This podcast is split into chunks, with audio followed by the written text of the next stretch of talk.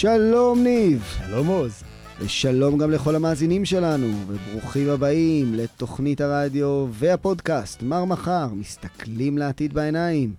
תוכנית שלוקחת אותנו לכל השינויים העצומים שאתם רואים ממש סביבנו, ברמה הטכנולוגית, הפסיכולוגית, החברתית, שינויים שמעצבים את העתיד של כולנו. והיום, האימפריה הגדולה של העתיד, המעצמה הסינית החדשה. אתה יודע, ניב, אני חושב ש, שיש, אה, אה, בתוכנית הזאת, אני חושב, באמת, כמעט כל תוכנית, האישו הסיני עלה. כמעט כל תוכנית. נכון. ובדרך כלל הראייה הזאת של אה, סין היא מאוד מאוד צרה ומאוד מגמתית. היא מאוד מאיימת. כאן- כן, היו לנו כאן אנשים שישבו בין, אתה יודע, סין ל- ליפן במובן של הצמיחה הכלכלית, ממפעלים זולים וכן הלאה, לידע ו- והלאה. והיה לנו אה, מומחה אחר שאמר שההשוואה הזאת לא נכונה, כי יפן בתקופה של הצמיחה שלה היא מדינה דמוקרטית, ואת סין יותר נכון להשוות אה, לגרמניה הנאצית מבחינת היחס של הדיכוי ודברים אחרים שקורים בתוכה, ומספר האנשים לא, שמתו היה לנו גם מישהו. שפה ישב ואמר שכמעט כל דבר רע שקורה בעולם, you can trace back to China. אמת.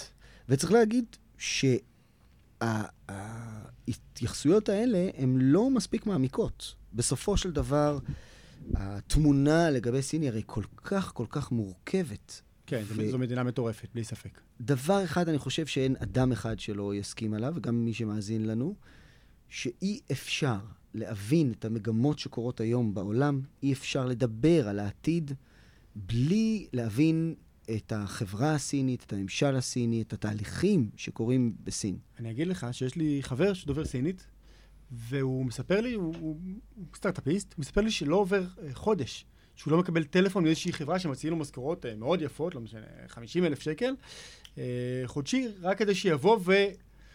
הוא דובר סינית, זה, זה, יש לו, דובר עברית כמובן, ודובר סינית, וזה זה, זה מצרך כל כך מבוקש היום, שהוא הוא כשלעצמו, לא משנה כמעט שאר הכישורים שלך, שווה המון כסף, כי כולם מבינים את זה. לגמרי לגמרי, ובאמת הגדילה של השוק הסיני עוד, אז, אז בואו פשוט אה, נפנה את הכל אל המומחה שלנו להיום. אז uh, הזמנו לכאן לאולפן את uh, אריאל מרגלית, שלום רב.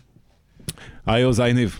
אהלן, אריאל, עיתונאי ואיש טלוויזיה, מנכ"ל חברת מדיה בסין, מתמחה בכלכלה גלובלית עם התמקדות בסין, בעל תואר שני מבית הספר לכלכלה של לונדון, ה-LSE המפורסם, ותואר שני מאוניברסיטת פודן בשנגחאי, אני מקווה שאמרתי נכון, עורך ומגיש ב-i24 News, ומנכ"ל חברת ארמה מדיה, שלה משרדים בשנגחאי, הונג קונג ותל אביב, וזה כיף לך, למרות שבקורונה בטח אתה פחות אה, בין המשרדים. אה, תרגם לסינית יחד עם שותפיו את אטלס ירושלים של דן בהט ואטלס תל אביב של קטרין וויל רושנט, שוב, מקווה שדיברתי נכון. יסלחו לך. כן, ומרצה בפורומים ישראלים ובינלאומיים על ההיסטוריה של סין ועל יחסי סין והעולם המערבי. אה, שכחתי משהו? תמיד אפשר להרחיב על כל אדם, אבל נראה לי שזה די ממצה. אריאל, איזה כיף שאתה כאן. קודם כל, ברוך הבא. תודה, תודה שהזמנתם אותי. אתה מרשה לי לבקש שני דברים לפני שאנחנו בכלל מתחילים כל השאלות. הכנו מלא שאלות. אתה המומחה שלנו לענייני סין, אז אנחנו צריכים, אה, יש לנו כל כך הרבה לדעת. אשתדל לענות על כולן. אז, אבל לפני כל השאלות, שני דברים קטנים. אתה יכול להגיד, לבטא נכון את השם של האוניברסיטה שהיית בה בסין? פודן, אה, ככה הוא, פודן, זה נאמר כן, נכון, אין פה זה איזה לא ביטוי. אה, מיוחד. זה היה לא רע. אוקיי, ודבר שני, אני אספר, אז תרגמת אטלס, נכון? לסינית. אה, שני האטלסים, האטלס של אה, ירושלים, האטלס של דן בהט, שהוא האטלס מפורסם מאוד, והאטלס של קטרין וייל רושן, שיצא ב-2008. ויש להם לחגיגות, ביקוש בסין? אה, 100 או שנה תרגמת- לתל תרגמת אביב. כי יש להם ביקוש? היה ביקוש בקרב השותפים שלנו, שהם אה, המחלקה להיסטוריה של הארכיטקטורה בעיקר, אה, באוניברסיטת ג'י, עם פרופסור וואנג ג'ון, אה, שהיה שותף שלנו. המטרה הייתה פחות להגיע למכירות ויותר שהידע יהיה זמין. ה- זה עניין די מופלא בסין, שכשאתה גורם למשהו להיות available, אונליין או בספריות, אז צצים לו כל מיני אה, עותקים כאלה. יש שיאמרו ש, שזה רע, במקרה שאתה רוצה להפיץ אה, ידע בסך הכל אה, והשכלה, אז יש לזה גם אה, פן אה, חיובי. זכויות יוצרים כמובן. בסין זה לא הדבר הכי חזק, אתה אומר. אתה יודע, יש, אה, אה, יש אה, לי בן דוד שהוא מדריך תיירים סינים. הוא דובר סינית והוא מורה דרך. והוא מספר שכל פעם שהוא שומע את המדריכים הסינים מדריכים בארץ, הוא פשוט מזועזע. כל הזמן מספר לנו סיפור אחר שקורע את כולם מצחוק. הוא סיפר לנו הדרכה שהייתה לסינים בכנסיית הקבר. ואז הסבירו להם שהיהדות היא כת נוצרית מאוחרת, שבערך באלף אה, השנייה לספירה הם התפצלו מהנצרות, ולכן הם הקימו מדינה שלהם, וכל פעם הוא מספר סיפורים הזויים לחלוטין על מה מדריכי טיולים סינים מדריך, מספרים לאוכלוסייה סינית שבאה לבקר בארץ. וואו, סיפורים כאלה אני לא שמעתי. האורחים שלי, הסינים שהגיעו לכאן, אה, תמיד אה, ידעו את... שהיהדות היא הדת המונותאיסטית הראשונה, תמיד מאוד העריכו את ההיסטוריה של המקום הזה, בעיקר מתוך זה שגם סין עצמה היא ציוויליזציה מאוד עתיקה. תמיד כשמנסים למצוא מחנה משותף בין היהודים לבין uh, הסינים, הרבה פעמים מציינים את ההיסטוריה הארוכה שיש לשני העמים האלה, ואני חושב שזה משהו שבאמת מחבר אותם, יש הרבה ערכים משותפים uh, מעבר למסורת העתיקה, uh, אולי כפועל יוצא של המסורת העתיקה, uh, שכוללים uh, uh, שבטיות כלשהי, שחזקה מאוד בקרב העם היהודי. וקיימת כפן מאוד מאוד חזק בחברה הסינית גם כן, אה, ערכי משפחה, חשיבות של חינוך, אה, הרבה מאוד דברים שהם מאוד דומים, ואחד מהם זה גם ההיסטוריה העתיקה, אני חושב שהסינים שמגיעים לפה, כל מי שאני... יצא לי לפגוש. אה, לא חושב שישראל או היהדות הוקמה. טוב, פגשת את החבר'ה יותר משכילים וה... מאוד מפתיע אותי, מדריכי כן. התיירות כאן עוברים אה, הדרכות אה, די רציניות של משרד התיירות הישראלי, ומשרד התיירות הישראלי משקיע הרבה בתיירים סינים, מכיוון שמספריהם הולכים וגדלים, לא, לא בשנת הקורונה, לא אבל, כן. אבל אני חושב שהם אמורים לדעת היטב את מה הסיפור של המקום הזה. יפה. כן. אז בואו נלך יותר רחב. הרבה פעמים מפתיע אותם, אני חייב לומר רק, שאנחנו מסווגים את עצמנו כ start-up nation, ואז הם מגיעים לכאן משנגחאי, שאותה תומאס פרידמן תמיד אה, כינה כהעתיד לדוגמה, הוא תמיד אמר שכשהוא נוסע משנגחאי לניו יורק, הוא מרגיש כאילו הוא הגיע מה future to the Flintstones, כן. מהעתיד למשפחת קדמוני. אז כשהם מגיעים לפה ומחפשים start-up nation, הם לפעמים כן מרגישים שהם הגיעו למקום ש... מישהו עשה להם ככה... איזה start-up nation, על מה אתם מדברים, לא כל כך מתקדם פה. ובאמת התחושה בשנגחאי היא תחושה מאוד מאוד מתקדמת? כן, בהחלט. במה זה בא לידי ביטוי? אמ, זה בא לידי ביטוי גם בתשתיות אה, הכי מתקדמות שיש היום בעולם. יש בשנגחאי את מערכת המטרו אה, הכי ארוכה בעולם. אה, יש uh, את uh, רכבת המגלב, שהיא הרכבת הכי מהירה בעולם, שמובילה לשדה התעופה פודונג. Uh, ומעבר לזה, החברה מושתתת לחלוטין על כלכלת דיגיטל, שמאפשרת איזושהי באמת השטחה של הגישה למה שאנחנו כאן רגילים אליו כמערכות בנקאות ארכאיות כאלה, מסובכות. שם נמצא בכף ידו של כל אחד ואחת. אני אספר לכם סיפור מצחיק, לפני ארבע שנים פחות או יותר הייתי עם uh, חברים במסעדה תאילנדית בשנגחאי, ויצאנו מהמסעדה, ואנחנו רגילים שמדי פעם יש קבצנים מחוץ למסעדות. Uh, והתקרבה אלינו קבצנית, וכבר uh, התחלנו להגיד לה שאין לנו כסף קטן, בסינית כמובן. היא אמרה, תעביר בביט. ואז היא פשוט שלפה קוד QR. זה היה לפני ארבע שנים, והיא רצתה שנעביר לה כסף. Uh, כמובן, לא הייתה לנו ברירה אלא להעביר כן, לה כסף. כן, היא כבר לא עובדת שחור, אבל, הקמצנית הזאת. אבל זה היה ממש רגע מונומנטלי, שבו אני הבנתי שסין uh, עברה באמת איזשהו, איזשהו רף שהוא כל כך, כל כך בדיגיטליות שלה יותר מתקדם ממה שקורה בעולם המערבי. אם קבצנים כבר מבקשים כסף, גובים כסף באופן דיגיטלי, uh, אז אנחנו כנראה באמת נמצאים uh, במקום שהוא חדש עבור האנושות. והרבה מהחידושים האלה והחדשנויות האלה מגיעים היום מסין. נכון היום להגיד שסין היא הכלכלה הגדולה בעולם? כן. אה, לא רוצים שנדע מזה, אה, אבל הסיבה למלחמות הסחר המאוד גדולות בין אה, ארה"ב לבין סין ולמלחמת החורמה הזאת שטראמפ הכריז אה, נגד סין, אה, נובעת אה, לפני הכל מזה שכבר ב-2013 הכלכלה הסינית למעשה עברה את כלכלת ארה"ב והפכה להיות הכלכלה הגדולה בעולם. אה, זה במובן של GDP PPP, Purchasing Power Parity, מה שנקרא אה, אה, שווי כוח הקנייה. כן. בעצם סין, החל מ-2013, מייצרת יותר ממה שסין מייצרת. ה output שלה יותר ממה הברית כן. מייצרת, סליחה. ה output שלה הוא אה, הרבה יותר גדול. אה, זה נכון שכשמסתכלים על per capita, על כמה זה לנפש, התוצר אה, מקומי גולמי לנפש, אז סין נמצאת, ארצות הברית, סליחה, ואני מתבלבל הרבה בין שתי המדינות כן. האלה, כי יש ביניהם המון דומה, ולמרות שיש גם הרבה שונה. ארצות הברית נמצאת ברף העליון של הסקאלה, יש שם הכי הרבה אנשים שחיים באיכות חיים הכי גבוהה בעולם, אבל מבחינת התוצר הכללי, סין כן מייצרת יותר, וזה חלק מהסיבה שכחלק ממלחמות הסחר, יש אה, אה, מכבש מאוד חזק שארה"ב מפעילה על סין אה, להפחית את ערך ה-UN בעצם, אל מול סל המטבעות, כדי ש... לנסות בעצם לשים את סין בפוזיציה יותר חלשה. עכשיו, סין היא לא דמוקרטיה. נכון? זאת סין, ושוב, אני אומר, זה, אם יש אחד מחוטי השני שרצו פה בתוכנית, זה החוט של, אה, של סין כאיזשהו משהו שלילי. אה, דיקטטורה, אה, שבעצם אין לה טוב ורע, אלא רק מה טוב לסין, כלומר לא אכפת לה עכשיו להשקיע ב- באיזשהו רודן אפריקאי שירדה באומה המסכנה שלו ולהשאיר אותו בשלטון, כי כלכלית זה נוח לסין, זה מייצר לה איזשהו value. וככה בהרבה מאוד מקומות בעולם, זאת אומרת, אין לה בעיה, אגב, לחתום על הסכם עם איראן, כלומר, עם שיעים קיצוניים, או...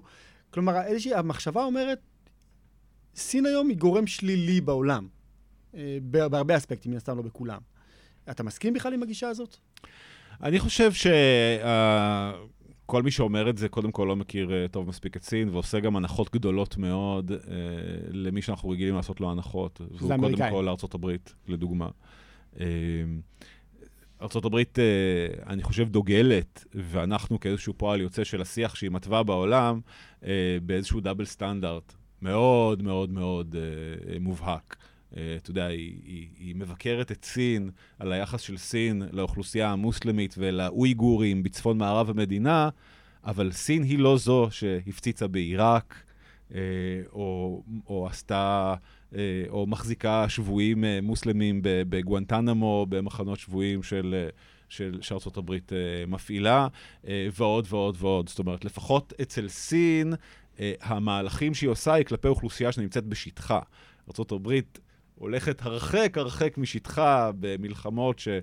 אה, בחובן תמוי הרבה פעמים טמונים אינטרסים כמו נפט או, או דברים אחרים, כלכליים, אה, מגיעה עד לצד השני של העולם אה, כדי, כדי לפעול, אה, ואני חושב שיש כאן איזה דאבל סטנדרט. זאת אומרת, סין היא, היא בטח לא דמוקרטיה, היא אף פעם לא הציגה את עצמה כדמוקרטיה. אה, אני גם לא חושב שהמודל המקביל לדמוקרטיה אה, של מיליארד וארבע מאות מיליון איש שמתרחש בהודו מוכיח את עצמו.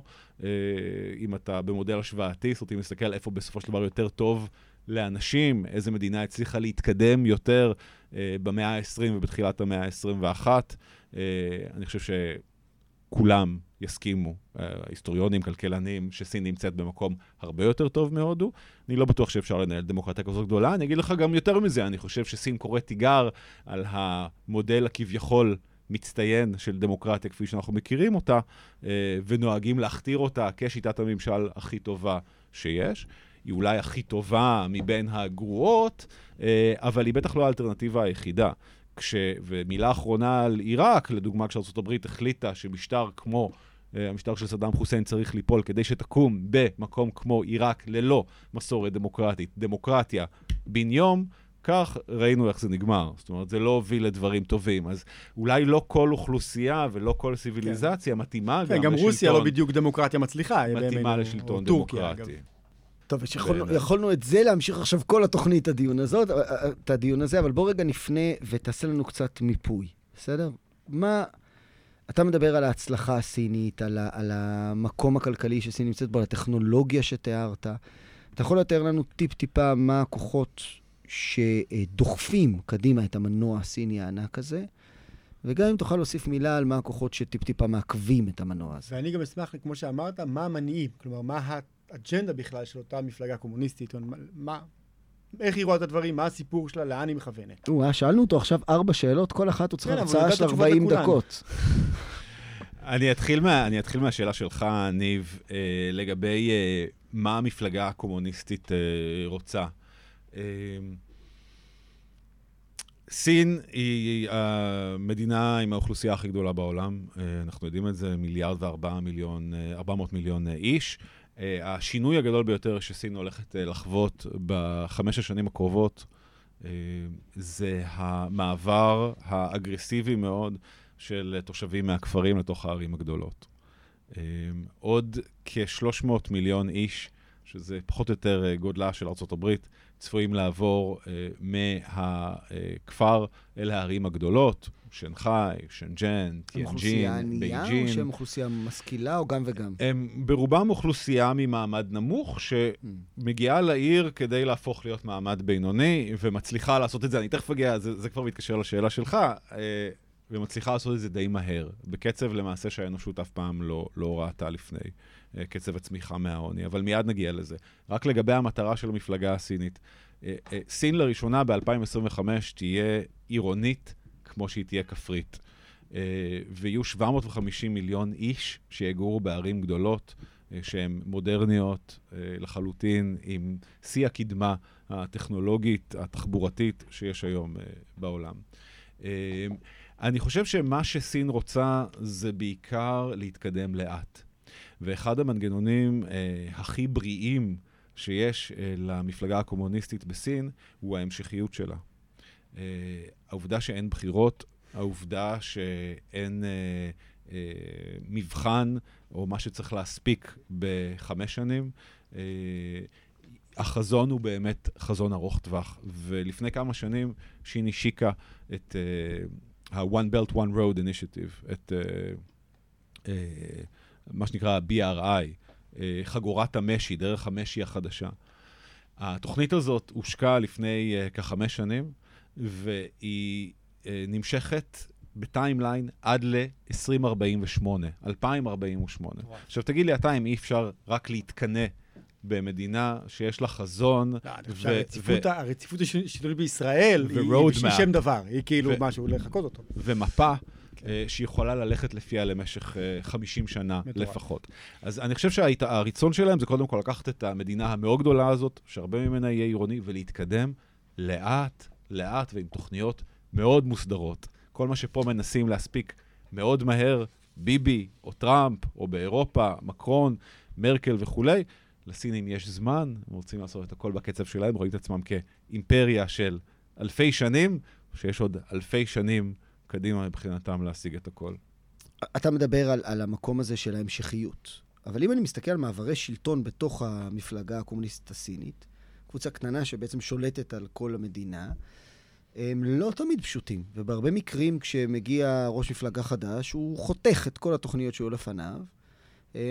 גם אתה, גם אני יכולים לדמיין מצב שראש המפלגה הבא מחליט שאת היוזמה הזאת, שדיברת עליה, היוזמה של הדרך המשי החדשה, בעצם הוא מחליט שלא מתאים לו, ומעלים אותה.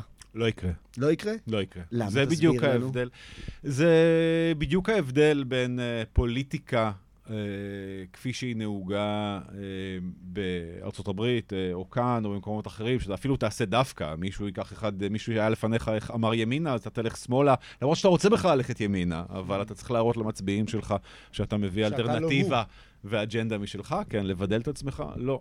המפלגה הקומוניסטית, אחד היתרונות הבולטים שלה זה ההמשכיות, ואפשר לראות את זה בעשורים האחרונים. תוכניות ש, שהועברו על ידי נשיאים אה, קודמים, אה, הפרלמנט הסיני ממשיך אה, לקדם אותם. צריך להבין גם שבתוך, במאמר מוסגר אני אומר, בתוך הריכוזיות הסינית הזאת, שבראשה עומדת המפלגה הקומוניסטית, יש הרבה מאוד אה, קבוצות שונות בתוך המפלגה. Hmm. זאת אומרת, אה, זה לא באמת הכל קול אחד. יש שם רב גוניות של קולות. אנחנו לא שומעים אותם כלפי חוץ. את הכביסה המלוכלכת הרבה פעמים מחפשים בתוך הבית. אה, יש גם צנזורה אה, על הרבה מאוד מהדיונים שמתנהלים. אין, לא הכל משודר, אתה יודע, באינטרנט, אין ערוץ כנסת. אה, אבל יש הרבה מאוד קולות שונים. אז זה לא שאין דיון בתוך אותה מפלגה, בתוך צמרת השלטון. יש דיון, אבל כן נשארים נאמנים מאוד לדברים ש... ש... שהקודמים החליטו עליהם. מהלך אחד כן מעניין, אה, שאני חייב להגיד שאתה גרמת לי להיזכר בו, ואני חושב שחשוב לשים עליו את, ה, את האצבע ולהגיד, הנה, זה שינוי גדול, זה השינוי ששי ג'ינפינג עשה לפני כמה שנים, כשהוא החליט להעביר בפוליטביורו הסיני החלטה שמונעת ממנו לעזוב את כס הנשיאות אחרי שתי קדנציות. הוא בעצם מינה את עצמו לנשיא לעד.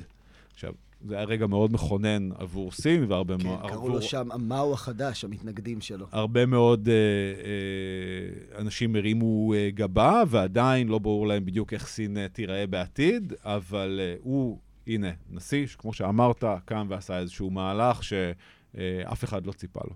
הוא גם uh, במקביל, באותו זמן, uh, חיסל פיזית, חיסל כמה מהמנהיגים שהתנגדו לו. Um, היו הרבה מאוד uh, סיפורים שנפוצו בתקשורת על לא, uh, מנהיגים ש... ש... שנכלאו בכלא על שנעלמו, שחיתות. כן. שנעלמו. Uh, חלק מזה ייתכן שהיו מתנגדים פוליטיים, חלק גדול מזה היה מאבק גדול מאוד שלו בשחיתות. אגב, תעשיית, אנחנו חושבים שאנחנו נגיע לענייני צרכנות בסין, אה, ושיווק, אה, אבל תעשיית המתנות והאירועים סבלה קשות. אה, המ. באותה שנה, אחרי שהוא הכריז על המאבק בשחיתות. זה היה דרך לתת שוחד? זו הייתה דרך, כן, לתת מתנות למקורבים ולפרויקטורים כאלה ואחרים. אז בהחלט שי ג'ינפינג עושה הרבה מאוד שינויים, וגם הדרך שבה הוא עומד ראש בראש אל מול טראמפ. בקרב ענקים כזה, שהוא בעיניי הקרב הכי מעניין שקורה היום בזירה הבינלאומית. אז בואו, דבר איתנו שנייה על הקרב הזה. יש מלחמת הסחר, או אולי אפילו יותר ממלחמת הסחר. מה, ה... מה כרגע קורה שם? מי מנצח? סין תנצח. כן? אתה חושב שסין תצא עם העדה העליונה ממלחמת הסחר הזאת? אני חושב שאם מסתכלים על uh, גרפים uh, כלכליים ומנתחים אותם, אז uh, מאוד קשה לראות אלטרנטיבה אחרת. פשוט מכיוון שבסין יש אוכלוסייה כפרית כל כך גדולה, שעדיין לא הגיעה למעמד ביניים. Mm-hmm. היא רק עכשיו מתחילה לצרוך דברים שבארצות הברית כבר, אתה יודע, עברו מן העולם. יש שם אופטימיות מאוד גדולה בשוק הסיני. אה, למעשה רוב מדינות אפריקה שהזכרתם מקודם, שמושפעות על ידי סין, רוצות את מה שסין עשתה.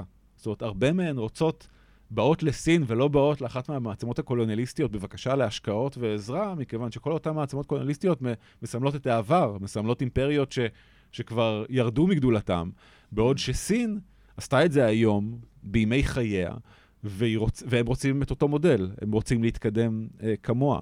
Uh, סין עם תוכנית ה-BRI של ה-Belt and Road Initiative, אין פרויקט פיתוח uh, בינלאומי uh, כל כך גדול. שקרה בעולם מאז מלחמת העולם השנייה, וגם, אתה יודע, בסוף מלחמת העולם השנייה זה היה בסקייל הרבה יותר קטן.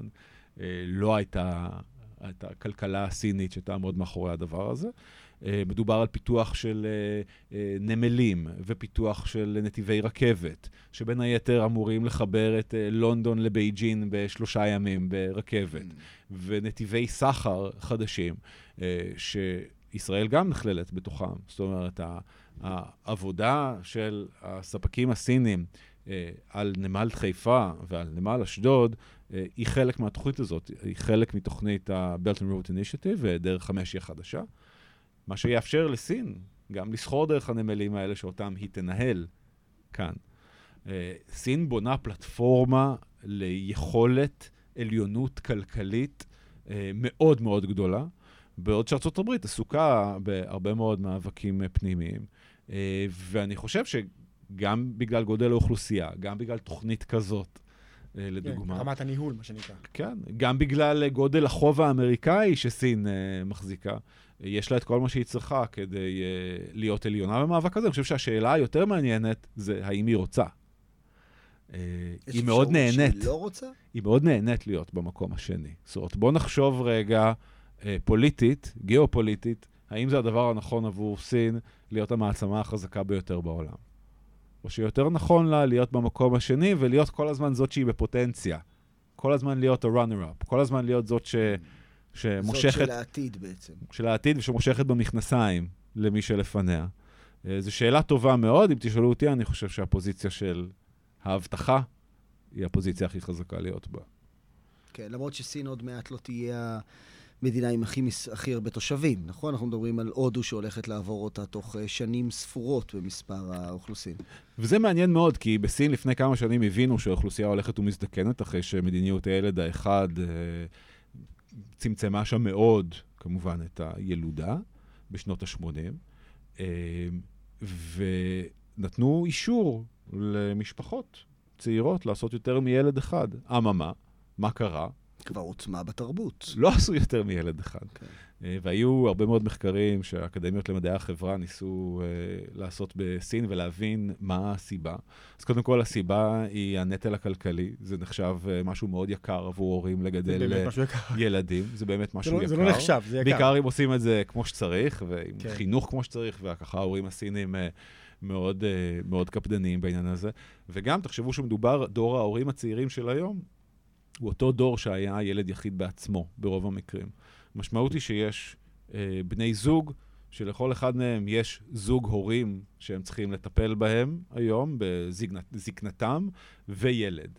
והמחשבה להוסיף עוד ילד אחד, שלא לומר שניים למשוואה הזאת, אה, הופך כבר למשהו שהוא נטל והם לא ראו את זה ולא מאוד רגילים לזה. כבד. זה משהו שהוא לא ב... כן. אתה יודע, אתה מדבר על, על, בהרבה אופטימיות, וכנראה בצדק, על uh, ההתפתחות של סין ועל הגדילה של סין, אז בוא נשאל את השאלה ההפוכה.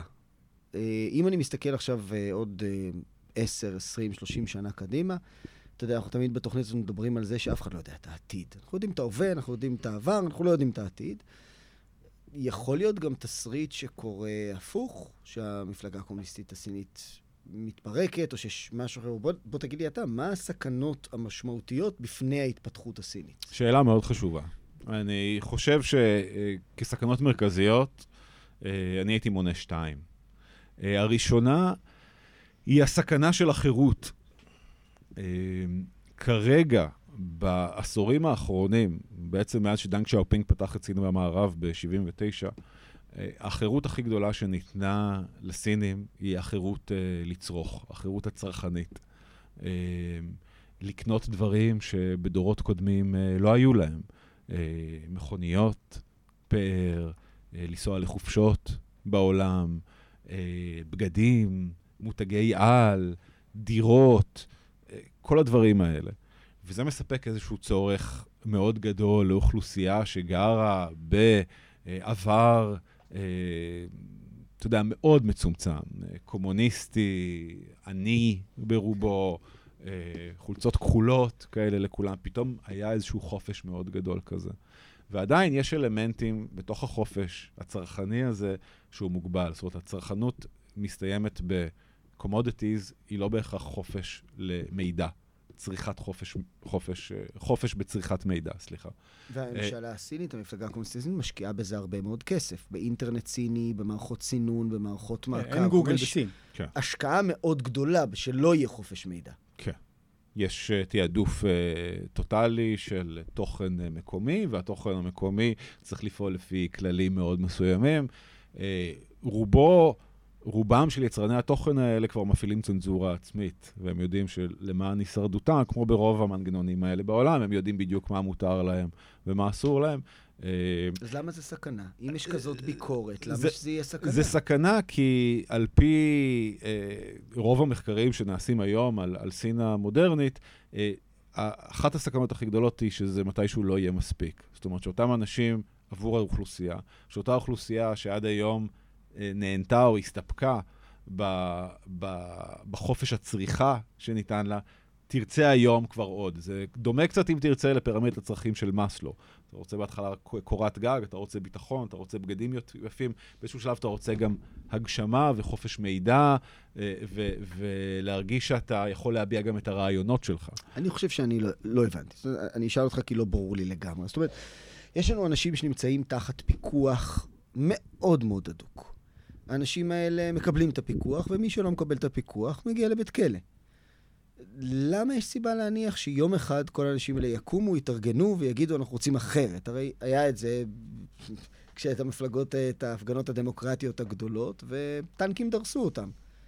זאת אומרת, למה, איפה אתה רואה, מריח פה בעיה? אני לא מצליח להבין את זה. אני חושב שכשלב בהתפתחות, אה, אחרי כל הדברים האלה, צריכה, היכולת לנסוע בעולם, לראות מודלים אחרים, אה, היכולת שיהיה לך אה, מכוניות, שיהיה לך בגדים, שיהיה לך מראה אינדיבידואליסטי יותר. הדברים האלה, לפעמים בהפוך על הפוך, מתרגמים גם לרעיונות, גם לרצונות אחרים. אני רוצה או רוצה להיראות אחרת, ואני גם רוצה להשמיע את הרעיונות שלי, שבאים אחרת. יחד עם זה, ולהשמיע אותם בעיקר.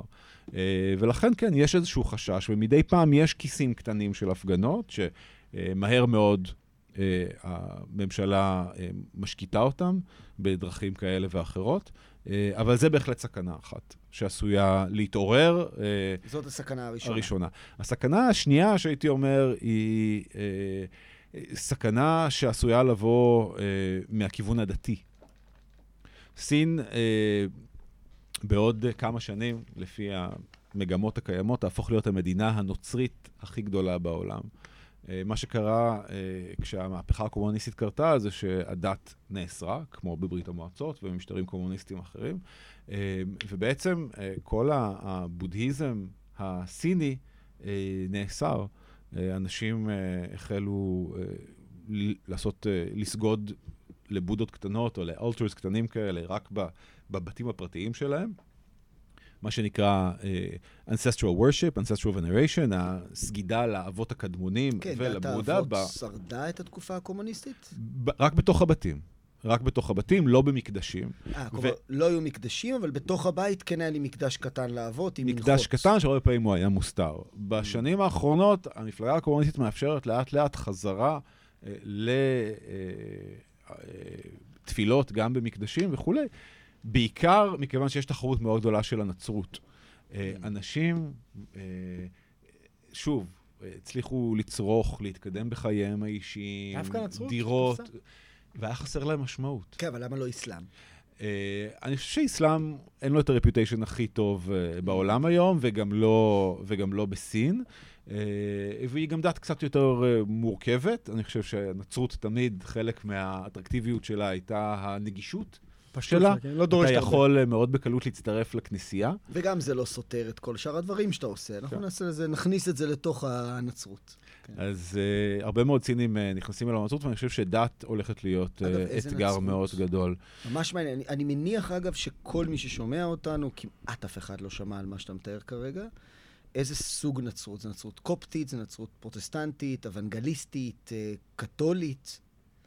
בעיקרה קתולית ופרוטסטנטית. יש גם כמובן גם כנסיות אנגליקניות. צריך לזכור שיש מסורת מאוד ארוכה של מיסיונרים שכן הגיעו לסין.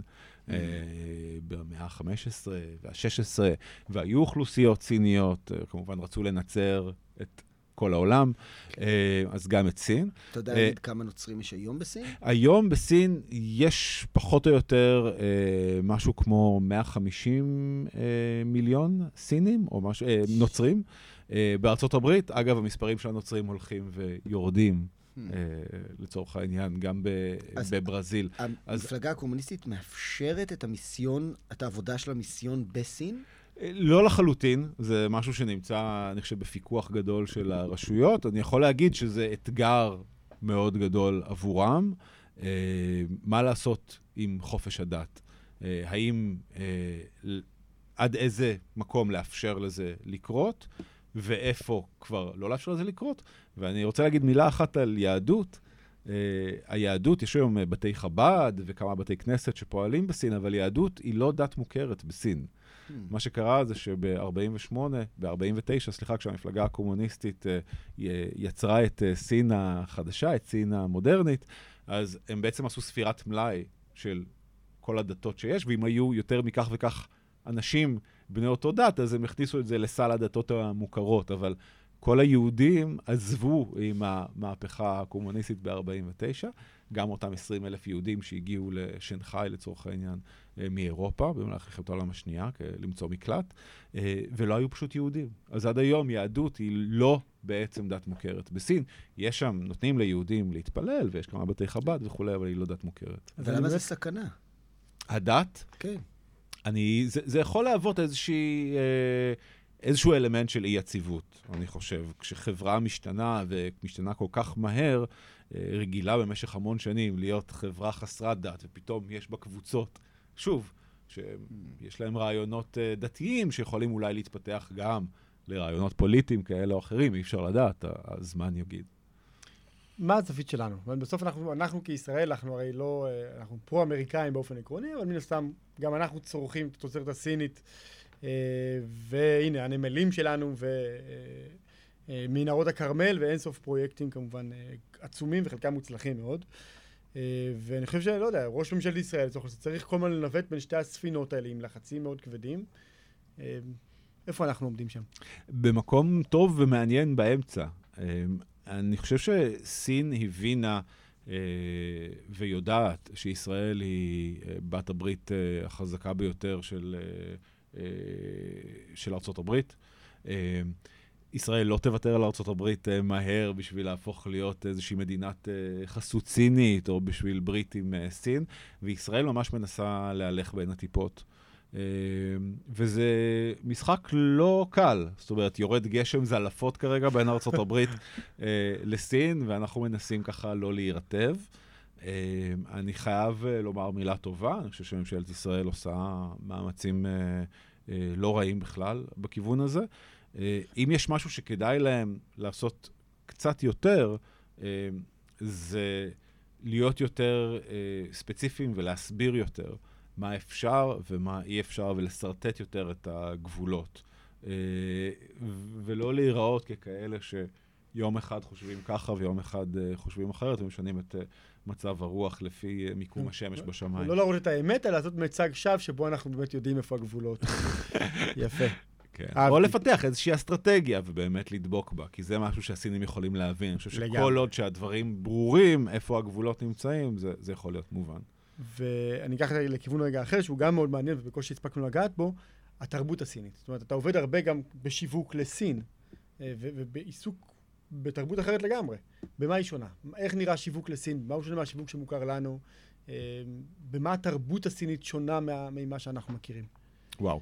קודם כל, אה, אני חושב שההבדל אולי הכי גדול בסין ברמת הסיפורים שאתה אה, משווק לקהל הסיני, אה, טמון ב...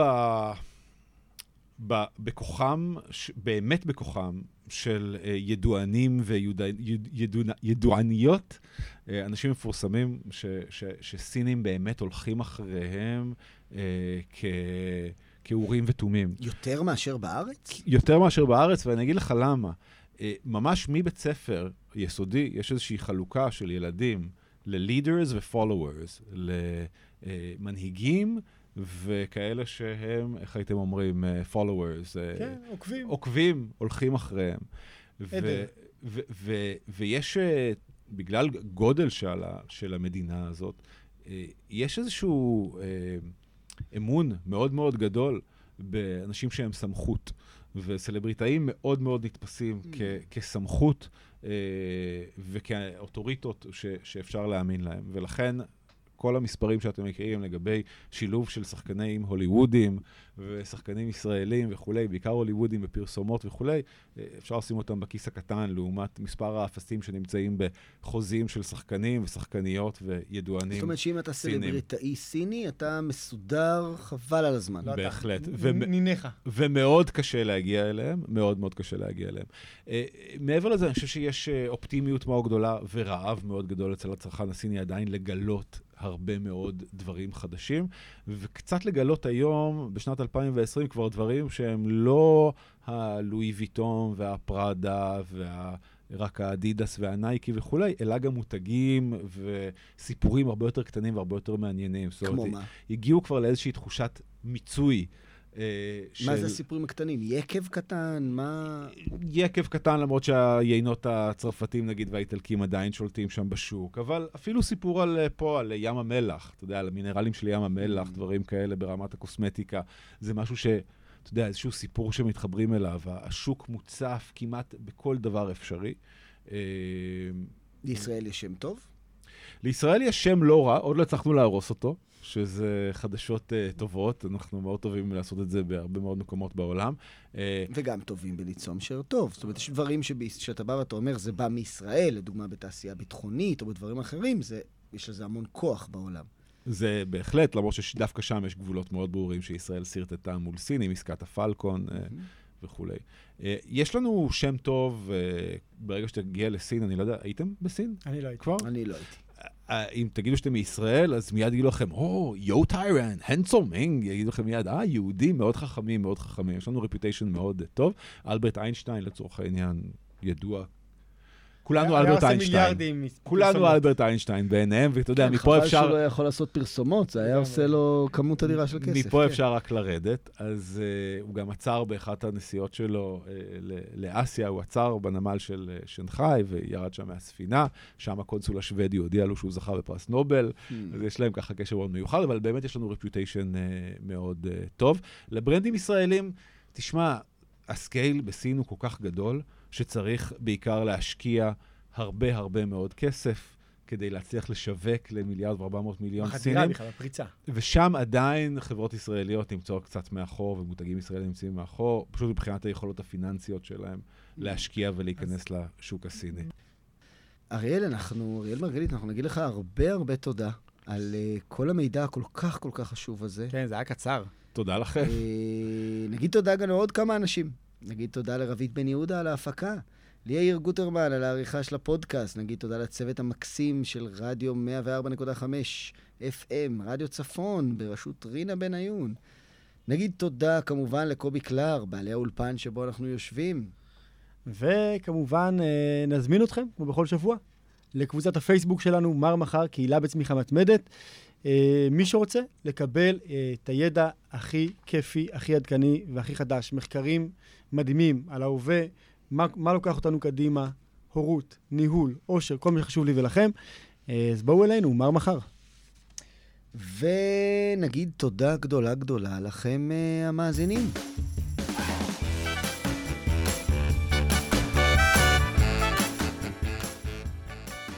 תודה שהאזנתם. אם אהבתם את הפרק, נשמח שתסייעו לנו בכך שתקדישו עוד דקה כדי לשתף חברים. זו דרך נהדרת גם לעזור לפודקאסט וגם לעשות משהו טוב בשביל החברים שלכם. אם אתם משתמשים במכשיר של אפל, נשמח שתשאירו תגובה ודירוג. שיהיה לכם מחר נפלא.